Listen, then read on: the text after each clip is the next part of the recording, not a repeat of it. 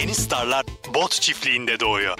Yıllar önce bir sanatçı için söylenen kaseti 5 milyon sattı cümlesi nasıl sanatçı adına güçlü bir imaj yaratıyorsa, bugün de aynı imaj sanatçıların Spotify ve YouTube üzerinden dinlenme sayılarıyla oluşuyor.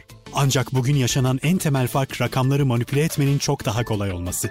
Zamanında kendi kasetlerini satın alıyor iddialarında bahsi geçen sayılar 60 binlerdeyken bugün bir bot çiftliği günde ortalama 2.9 milyon şarkı dinleyebiliyor. Üstelik artık yüksek dinlenme sayıları beraberinde aramalarda öne çıkmayı, popüler listelerde yer almayı ve en önemlisi insanların dikkatini çekmeyi sağlıyor. Böylelikle dijital platformların tüm sanatçılara fırsat eşitliği sunması ise bot çiftliklerine gömülen bir hayal olmanın ötesine geçemiyor.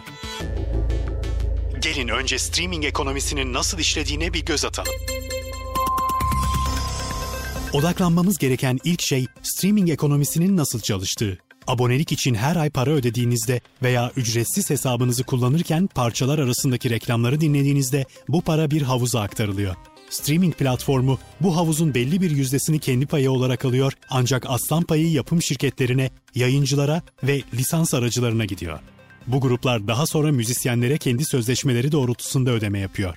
Plak şirketinin ve dağıtımcının ücretleri orantılı dağıtılıyor. Örneğin bir sanatçının bir streaming platformundaki toplam dinlemelerin %2'sini aldığını düşünürsek, sanatçının plak şirketleri o ay telif sahiplerine ayrılan toplam havuzun %2'sini alıyor. Sonrasında da sanatçının plak şirketiyle olan sözleşmesi çerçevesinde sanatçıya ödeme yapıyor. Gelelim bot çiftliklerine. Bot çiftliklerinde günde bir cihaz başına 2880 şarkı dinlenebiliyor. Bot sahtecilerinin kullandıkları iki saldırı yöntemi var. Bunlardan ilki olmayan sanatçı ve şarkılarla sahte parçaları bitmeyen bir döngüde çalmak. Botlar sanatçı olmayan kişilerin binlerce sahte hesap oluşturmalarına ve sahtecilerin adına kayıtlı parçaların sürekli olarak çalınmasına olanak sağlıyor. Böylece gerçek sanatçılara ödenen milyonlarca dolara da ortak oluyorlar. Peki nasıl para kazanıyorlar? Bot çiftliklerinin sahte dinlemeleri nasıl nakit paraya dönüştürdüklerini ise Music Business Worldwide açıkladı. Yöntem şöyle. Ayda 9.99 dolardan 1000 hesap oluşturduğunuzu düşünelim.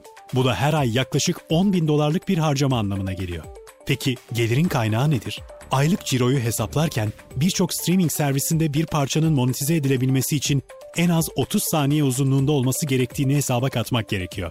Bir günde ise tam 86.400 saniye var. Botların insanüstü yetenekleriyle birlikte bot çiftliklerinde günde bir cihaz başına 2880 şarkı dinlenebiliyor. Bu da 1000 cihazlık bir çiftlikte günde 2.9 milyon şarkı dinlendiği anlamına geliyor. Bütün ay düşünüldüğünde bu 86 milyon 400 bin şarkıya tekabül ediyor. Kısacası her çalma başına bir sentin onda biri söz konusu olsa bile her ay çeyrek milyon dolarlık bir kazançtan bahsedebiliriz.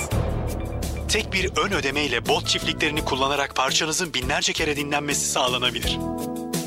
Bot sahiplerinin sistemi manipüle etmek için kullandıkları ikinci yoluysa müzik tanıtımının en temel ilkelerinden birini kullanmak. İlgi ilgiyi çeker. Zaman kısıtlı ve insanlar artık daha çok en yoğun ilgi çeken listelere yöneliyor ve dinleme, izleme tercihlerini de bu listeler belirliyor. Bot sahipleri sanatçılara bu doğal düzeni bozma ve streamleri toplu olarak satın alma olanağı sağlıyor. Sahteciler sadece bir ön ödemeyle bot çiftliklerini kullanarak bir şarkının binlerce kere dinlenmesini sağlıyor. Bu da aramalarda öne çıkmayı, popüler çalma listelerinde yer almayı ve daha da önemlisi insanların ilgisini çekmeyi sağlıyor. Bu durum sanatçıları ekonomik olarak doğrudan etkilemese de başarıyı adil bir şekilde kazanmak isteyenlerin işini zorlaştırıyor. Elbette bu sistemde ilk kazanan yine bot sahipleri oluyor. Profesyonel müziğin sert rekabet ortamı içinde streamlerin ve listelerin popülerlikte geçer akçe olduğunu bilen müzik hayranları da bu savaşa dahil olabiliyor. Örneğin bizi hiçbir şey durduramaz felsefeleriyle hareket eden K-pop hayranları grubun listelerde en üst sıralarda yer alması için bot çiftlikleri kuruyor. Öyle ki bu modelin Korece'de bir adı bile var. Sajaegi. Peki botlar alt edilebilir mi?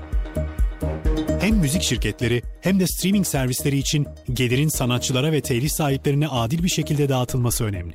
Ancak öyle görünüyor ki bu alanda bot sahteciliği tehdidi her zaman var olacak. Sahteciliğe karşı koruma yöntemleri geliştikçe saldırılar da daha sofistike hale geliyor. Bu kedi fare oyununda her zaman bir adım önde olmanın tek yolu organizasyonel seviyede hazırlıklı olmaktan geçiyor. Bunu da bot sahteciliğindeki ve önleyici tedbirlerdeki en son yenilikleri takip eden ve çalışmalarını sahtecilik konusuna adamış bir ekiple yapmak mümkün. Bot sahteciliğini ciddiye alan ve bu konuda harekete geçtiklerini tüketicilerin bilmelerini sağlayan platformlar kendilerine duyulan güveni de artıracak. Evet, bugün pek çok platformda rakamlar her şey demek. Bu rakamların manipüle ediliyor olması ise tüm sisteme olan güveni sarsıyor. Ancak söz konusu müzik olduğunda duygulara dokunarak kitleleri etkileyen sanatçılar daima hak ettiği yerde olacak. İşte bot çiftliklerinin çözemediği, belki de hiç çözemeyeceği sihir de burada.